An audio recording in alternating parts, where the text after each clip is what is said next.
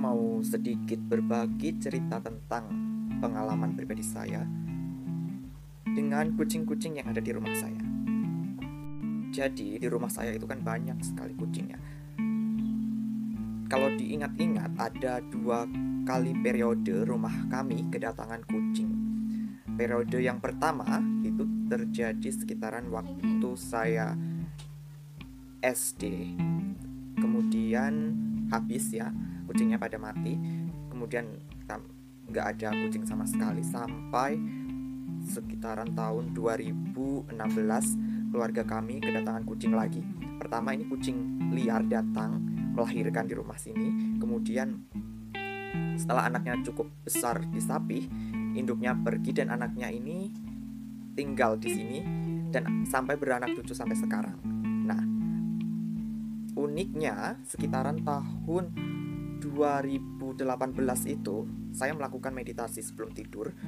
Meditasi meditasi sampai ketiduran. Saat di dalam tidur inilah antara sadar dan tidak sadar saya mendapatkan vision atau penglihatan di dalam mimpi ya.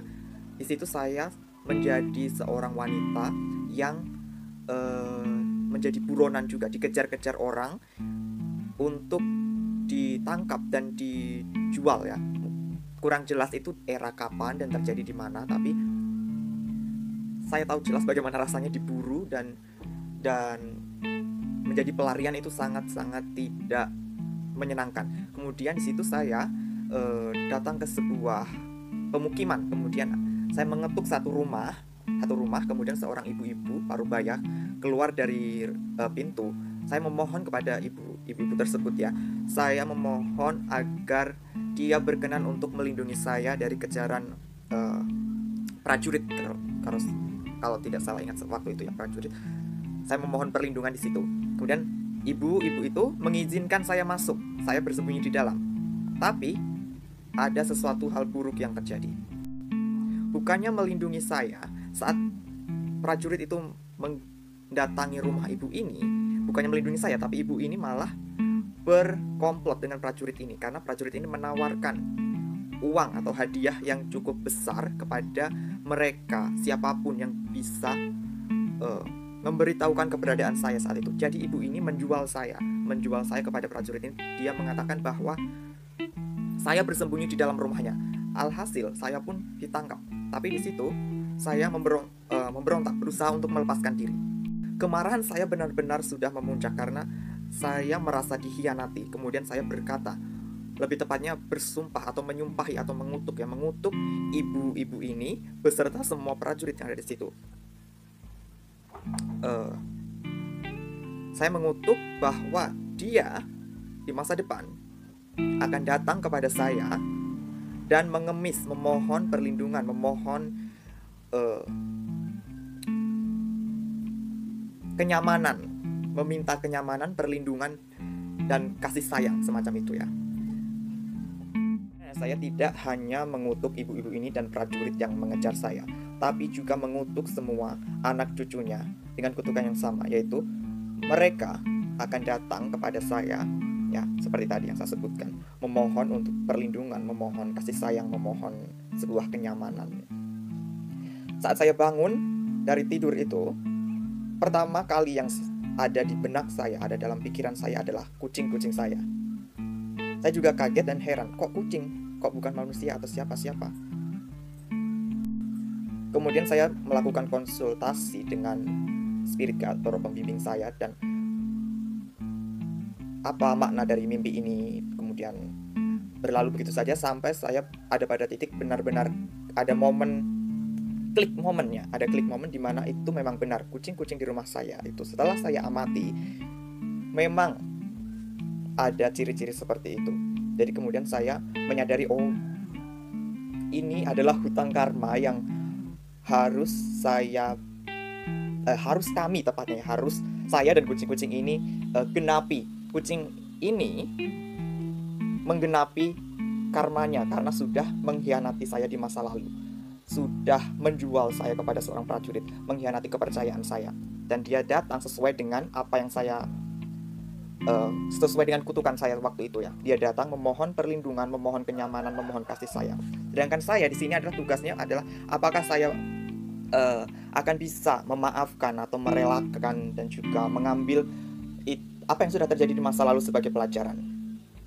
Beruntung sekali ya, beruntung sekali uh, kucing ini datang di periode di mana kesadaran spiritual saya ini sudah agak bisa dibilang naik sedikit ya. Jadi saya sadar, sadar diri ya saat itu setelah saya mengetahui bahwa kucing-kucing ini adalah orang-orang yang dulu hadir dalam kehidupan saya dan membuat saya menderita, membuat saya istilahnya dalam kondisi yang tidak baik di kehidupan yang masa lalu ya. Kemudian di situ saya melakukan meditasi pelepasan saya memohon kepada semesta, kepada roh pembimbing saya, mohon kepada jiwa saya sendiri bahwa saya ingin melepaskan hutang karma ini. Saya ingin mengikhlas, mengikhlaskan, memaafkan segala kesalahan yang uh, dilakukan oleh orang-orang yang sekarang ini terlahir sebagai kucing-kucing saya ini memaafkan kesalahan mereka dan mengambil pelajaran yang telah terjadi di masa lalu. Nah, uniknya setelah saya melakukan meditasi pelepasan itu, induk kucing yang merupakan anak kucing uh, anak kucing liar yang saya ceritakan di awal ya, in, menjadi induk kucing ya. Dia tidak bisa uh, istilahnya tidak bis, tidak beranak lagi, tidak berkembang biak lagi. Kalaupun berkembang biak, kalaupun dia beranak, anaknya entah mati karena sakit atau induknya sendiri ini sakit kemudian anaknya terlantar tidak terawat kemudian mati dan seter sampai seterusnya sampai seterusnya. Dan uh, itu juga terjadi pada anak-anaknya ya. Jadi induk ini punya anak anaknya besar punya anak pada satu titik di mana saya setelah saya melakukan pelepasan ini kapan pun ya kapan pun induk-induk ini punya anak anaknya mati. Entah dimakan bapaknya atau entah di entah mati karena sakit ya, semacam itu. Jauh sebelum saya mendapatkan vision bahwa kucing-kucing ini adalah orang-orang yang dulu pernah uh, hadir dalam kehidupan masa lalu saya dan menyebabkan penderitaan pada hidup saya saya di situ sangat menyayangi sangat menyayangi kucing-kucing ini. Seolah mereka itu teman seolah mereka itu keluarga atau saudara. Memberikan mereka nama memberikan mereka perlakuan yang cukup istimewa ya. Uh, dan si induk ini ya si induk ini uh, memiliki perilaku yang cukup unik. Jadi saat di, uh, saat dia ini nggak hamil ya, nggak hamil atau nggak nggak mau beranak itu, kalau lihat saya, saya panggil dia tidak pernah menoleh, tidak pernah uh, apa istilahnya, uh, tidak pernah manja-manjaan sama saya. Tapi kalau dia sedang hamil atau mau melahirkan, pasti yang dicari saya. Dia masuk ke kamar saya seolah-olah meminta ini ya meminta pertolongan minta ditemani atau minta di dielus-elus dan sebagainya macamnya itu terus singkat cerita setelah saya mengetahui itu sebenarnya ada ego saya yang mengatakan bahwa ada ada sebuah ada trigger ya trigger di mana saya merasa wah ada kebencian ada kemarahan ada kekecewaan dan yang meletup. Tapi kemudian di situ saya menyadari bahwa ini terjadi dengan tujuan mereka hadir sebagai kucing dan saya hadir sebagai manusia. Di sini, dari segi kesadaran, saya sebagai manusia memiliki kesadaran yang lebih tinggi, sedangkan kucing ini dia tidak mungkin dia tidak ingat, tidak ingat dengan apa yang sudah mereka lakukan pada kehidupan saya di masa lalu. Sedangkan saya di sini karena saya sebagai manusia dan memiliki kesadaran yang lebih tinggi dari kucing ini, saya ingat. Nah, pertanyaannya di situ kan apakah nanti saya bisa memaafkan, apakah saya bisa melepaskan, mengikhlaskan apa yang sudah terjadi di masa lalu itu atau tidak. Butuh proses ya sedikit uh, proses pergolakan di dalam pikiran, dalam hati saya, saya harus berdamai, memaafkan, benar-benar memaafkan sampai seterusnya. Jadi saya pun melepaskan. Jadi saya kemudian uh, rasa cinta saya yang saya ternyata sebenarnya berlebihan ya. Uh, tidak bisa dibilang berlebihan juga mungkin ya, karena itu memang rasa cinta, rasa kasih sayang yang saya berikan kepada kucing ini adalah sudah sesuai dengan apa yang saya kehendaki di kehidupan masa lalu itu saat kutukan itu saya berikan. Jadi saya sudah memberikan apa yang uh, apa yang sudah seharusnya dan semuanya sudah terjadi sesuai dengan uh, karma. Saya sudah memenuhi memenuhi karma tersebut dan dia juga sudah memenuhi karmanya mereka juga sudah menemui karmanya sendiri nah belakangan ini kucing ini kucing yang unik sekali yang unik ini ya yang suka kalau mau melahirkan suka menghampiri saya uh, beberapa bulan yang lalu uh, dia sakit ya dia sakit nggak tahu karena apa tapi sakit entah mungkin karena memang sudah tua atau dia makan makanan yang yang berbahaya bagi kesehatannya atau bagaimana jadi dia sakit. Di saat sakit ini sebenarnya saya bisa aja ya melakukan melakukan sesuatu yang buruk ya. Tapi di situ saya memahami bahwa oh ini adalah suatu prosesnya dia mem, untuk memenuhi atau membal me, ya memenuhi karma karmanya dia yang menuai apa yang telah dia tabur di kehidupan masa lalunya kemudian di situ saya cuma bilang saya sudah memaafkan kamu saya sudah mengikhlaskan apa yang sudah terjadi di masa lalu. Kalau kamu ingin pergi, ingin menyeberang atau melanjutkan perjalanan kamu, maka pergilah. Jadi setelah itu saya sudah lepas, sudah saya sudah tidak mempergi. Lalu baru-baru ini juga ada ini, ada satu lagi kucing kucing di rumah ini yang mati ya. Karena sepertinya dia mungkin makan kadal atau makan kodok ya di luar di luar rumah saat. Padahal di rumah juga sudah dikasih makan dengan layak, tapi mungkin ya memang itu sudah jalannya ya. Dia sakit, kemudian ya saya pikir mungkin akan sembuh dengan sendirinya ya tapi lambat laun kondisinya semakin memburuk jadi saya di situ sudah feeling bahwa oh ini sudah saatnya sudah waktunya untuk pelepasan. Jadi saya langsung menghampiri dia uh, bilang ya seperti sebelumnya ya. Saya bilang saya sudah memaafkan kamu saya sudah mengikhlaskan apa yang sudah terjadi di kehidupan masa lalu.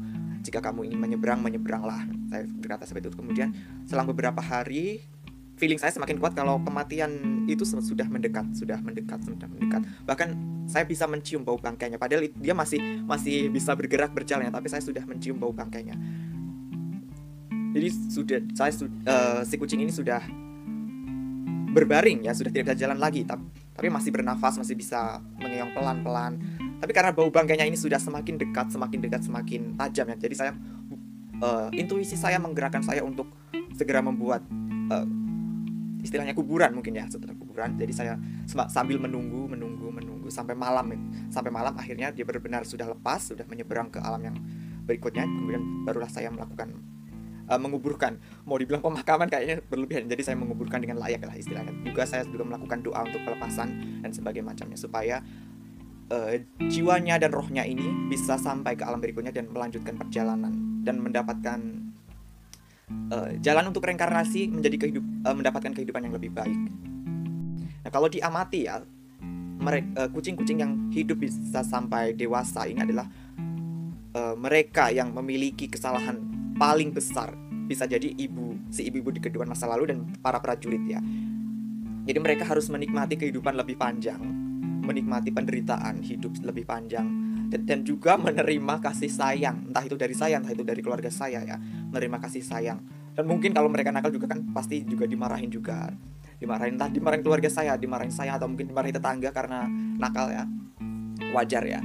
Kemudian sedangkan eh, anak-anak kucing yang mati saat masih kecil atau saat entah itu saat lahir atau saat sakit atau dimakan bapaknya ya. Saya mengamati itu adalah mereka-mereka an, uh, anak cucu dari para prajurit dan juga ibu-ibu yang mengkhianati saya ini. Karena mereka kan tidak melakukan kesalahan secara langsung. Jadi karma mereka ini cuma sedikit ya. Atau mereka hanya menggenapi apa yang saya ucapkan atau menggenapi sumpah saya waktu itu. Menggenapi kutukan saya waktu itu. Jadi saat mereka lahir atau mereka tumbuh tidak sampai dewasa jadi mereka mati. Karena kesalahan mereka kan tidak sebenarnya tidak ada kalau dengan saya secara langsung ya. Nah sampai sekarang di uh, saat ini saya, di rumah saya masih ada tiga tiga ekor kucing dua betina dan satu jantan ya. Tiga tiganya ini uh, saya masih mengamati apakah seperti apa nanti perkembangannya ya. Salah satunya ini ada yang nakal nakal bang eh dua ya yang atau mungkin mereka semua tiga tiganya nakal semua. Tapi kalau kadang mereka membuat uh, keluarga saya marah ya terutama ibu ataupun nenek saya nenek saya ya. kalau saya karena saya sudah memahami polanya ya karena saya sudah memahami polanya ya saya biarkan aja tapi kalau dulu karena karena saya masih buta atau masih ditutupi dengan rasa cinta dan kasih sayang saya kepada mereka kalau mereka nakal ya ya saya peringatkan harus jangan nakal jangan nakal. Saya kasih tahu atau mungkin saya kadang saya sentil dikit gitu ya. Karena di situ saya sudah melihat ya melihat kebenarannya melihat polanya. Jadi saya cuma bisa ya memperhatikan saja. Kalau mereka dimarahin ya saya perhatikan saya dengarkan aja. Ya ya sudah itu memang mungkin sudah sudah jalannya mereka lah ya. Kalau mungkin di luar rumah di dilemparin sama tetangga karena nakal e, maling anak ayam atau semacamnya dimarahin atau dimarahin tetangga karena suka e, lari-larian di genteng. Ya, ya sudah saya perhatikan aja saya dengarkan. Saya tunggu saya tunggu sampai sampai nanti ya. Karena memang ini ya sudah menjadi karma kami ya. Sudah menjadi karma saya dan kucing-kucing ini ya. Kalau kalau saya ambil tindakan yang salah ya mungkin karmanya ini siklusnya akan berulang kembali siklus yang sama. Saya saya tidak mau mengulang siklus yang sama lagi dan saya juga tidak mau kucing-kucing ini mengulang mengulang siklus yang sama. Jadi saya berharapnya setelah dia mereka ini mati kemudian menyeberang saya berharapnya mereka bisa mencapai kesadaran yang lebih tinggi lahir sebagai manusia. Sebisa mungkin saya berharap mereka lahir sebagai manusia dengan kesadaran yang lebih tinggi sehingga mereka bisa mengejar perkembangan dan evolusi jiwa. Uh, sama seperti saya yang juga uh, mengejar perkembangan dan evolusi jiwa. Saya berharapnya seperti itu Oke, itu tadi ya. Sedikit kisah unik ya. Kisah unik saya dan kucing-kucing yang ada di rumah saya. Semoga bisa menjadi Eh, referensi atau menjadi penggambaran gambaran bagaimana ya bagaimana proses karma itu berjalan. Oke, semoga kisah ini bermanfaat. Sampai jumpa di video berikutnya.